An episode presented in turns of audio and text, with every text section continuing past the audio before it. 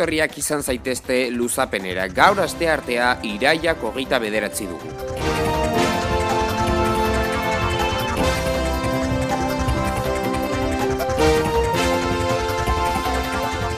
Miami Heat eta Los Angeles Lakersek jokatuko dituzte NBA-ko finalak.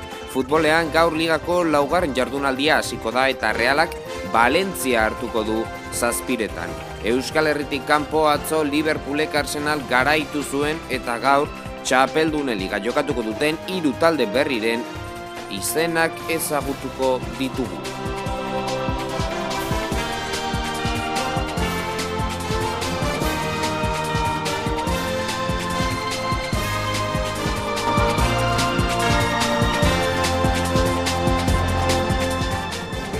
Ligako laukarren jardunaldiari hasiera emango dio realak gaur anoetan. Zazpietan Valentzia hartuko du denboraldiko bigarren garaipena bilatuz.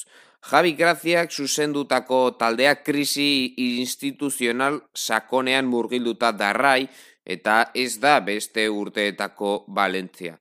Pasaden zapatuan izan ere asko kostata atera zuten puntu bat Hueskaren aurka. Lau puntu ditu zailkapenean Balentziak, bost aldiz errealak. Imanol alguazilen taldeak zapatuan lortu zuen denboraldiko lehen garaipena, elxeen aurka, eta sentsazio onak erakutsi zituen. Atzelariren bat ailegatu ala ez, horrela jarraituz, Europan berriz hartzeko aukerak izango dituzte donostiarrek. Oraindik ilarra eta zubeldia erabili ezinean, zubi mendi izango dugu seguruenik amaikakoan merinoren alboan. Nacho Monreal bere urtengo lehen partia jokatzen ikusi dezakegu gaurkoan baita ere. Anoetan, hasiera laugarren jardunaldiari realak eta Valentziak esan eh, dugun moduan arratsaldeko zazpietan.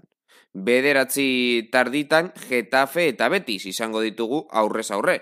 Bordalasen taldea alabesen kontra berdintzetik dator, baina oraindik ez du golik eh, jaso jokatu dituen bi partidetan. Betisek guztiak hiru jokatu eta sei puntu lortu ditu, alabez eta baiadolidi irabazita. Izan ere ligako liderra da Manuel Pellegriniren taldea, naiz eta azken partidan porrota jaso polemika handiko partidan Real Madrilen kontra.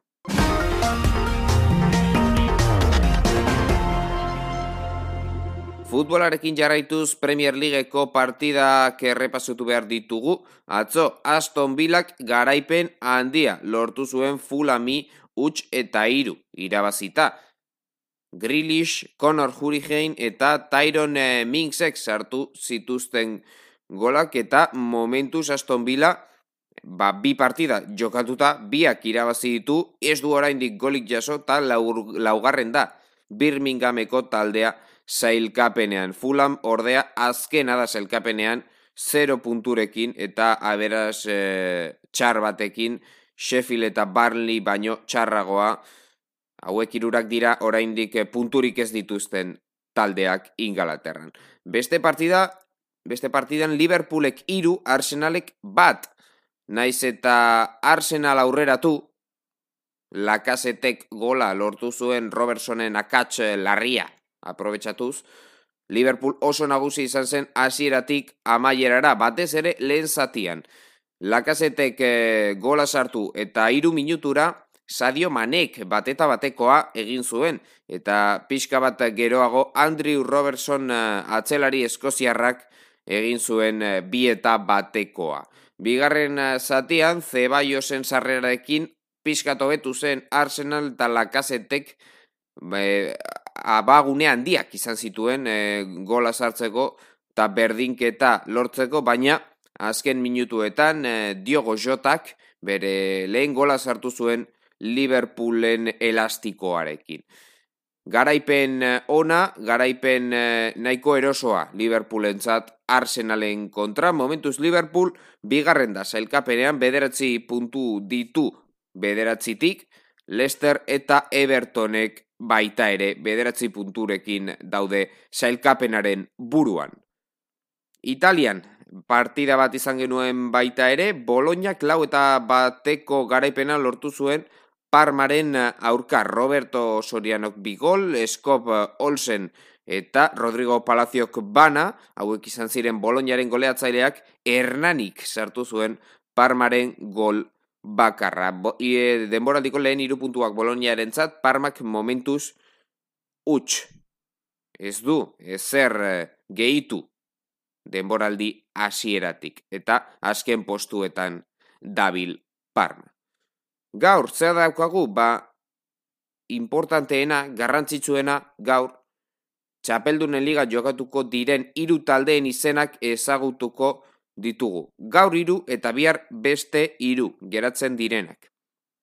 Gaurkoan, Dinamo Kiefek Gent hartuko du Ukranian, bat eta bi irabazi zuten Ukraniarrek e, Belgikan, eta, bueno, abantaia horrekin e, favorito argiak dira txapeldunen ligarako zailkatzeko gainera hobeto hasi dira denboraldi honetan e, Kiefekoak. Partida ona, izan genuen uh, joanekoan uh, molde eta Ferenc Barosen uh, artean, gaur Ungarian jokatuko dute, Ferenc Barosek molde hartuko du, iru eta iru berdindu zuten joaneko partien, beraz, uh, bueno, pixkateko abantaia Ferenc Barosen txat, uh, kanpoan lortutako golak direla eta, ikusiko dugu, baina printzipioz favorito txikiak esan genezake direla Ferenc Barosen e, mutilak. Ungariarrak e, izan ere. Eta azken partida, Zipren izango dugu, Omonia Nikosia eta Olimpiakosen artean hori bai. Olimpiakosek bieta huts irabazi zuen joaneko partidan eta, bueno, kanporak eta hau nahiko erabakita dago jada Olimpiakosen alde. Hortaz, bederatzietan iruru partidak Dinamo Kiev Gent, Ferencvaros Molde eta Omonia Nikosia Olimpiakos. Partida bat eh, dugu baita ere ingalaterran, aste hontan jokatuko dira final sortzirenak eh, eh, ligako kopako final sortzirenak eta Tottenhamek Chelsea hartuko du beredatxeak laurden gutxitan partida ona da hau Londreseko derbia izan ere, eta ikusiko dugu, bueno, nork irabazten duen, eta nork eh, egiten duena postu handiena eh, txapelketa irabazializateko askotan, ba, errotazio asko egiten direlako alako partidetan.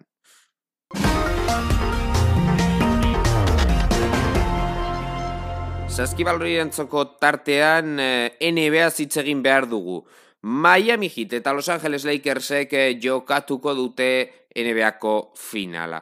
Bagenekien jada Lakersak eh, bueno, sailkatuta zeudela, Denver Nuggetsei irabazita, eta azkenik eh, Miami Heat eh, eunda hogeita bost eta enda amairu irabazita Boston Celticsi, lau eta bi azkenean kanporaketan, eta, bueno, pixkat hobeak izan dira partia guztietan, ez dituzte garaipen handiak lortu, baina Eh, partida onak egiten, erik espoelstraren eh, taldea benetan, e, bueno, ba, ez genuen espero, hain ondo aritzea, eta, bueno, denboraldi bikaina, eta playoff, batez ere playoff bikainak erik espoelstraren taldeak.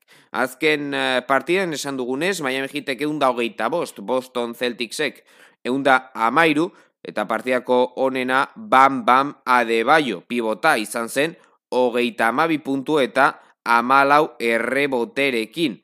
Partida ona baita ere Jimmy Butlerrek hogeita bi puntu, Tyler eh, Herrouk emeretzi eta Boston Celticsen hobea Jalen Brown hogeita zei sortzi, Tatumek eh, hogeita lau puntu eta zazpi errebote eta Marcus Smartek hogei puntu eta sortzi errebote. Bihar, hasiko dira NBAko finalak, esan eh, dugun moduan, Los Angeles Lakers eta Miami Heaten artean.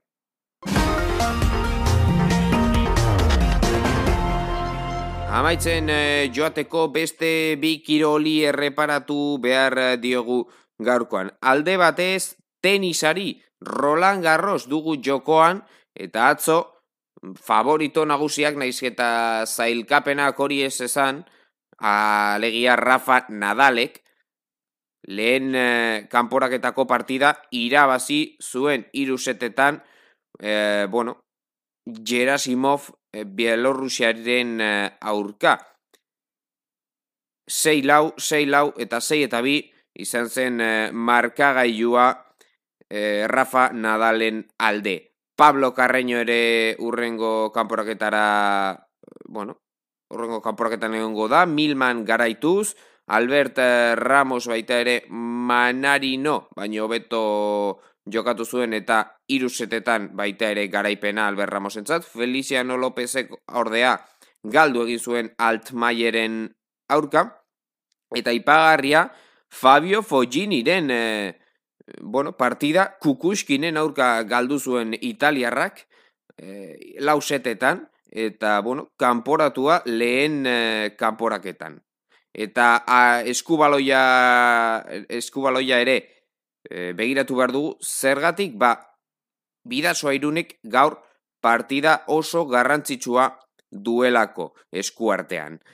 Zeiretan izango da, nazitzen Kroazian nekse eta bidazoa irunen itzuleko partida.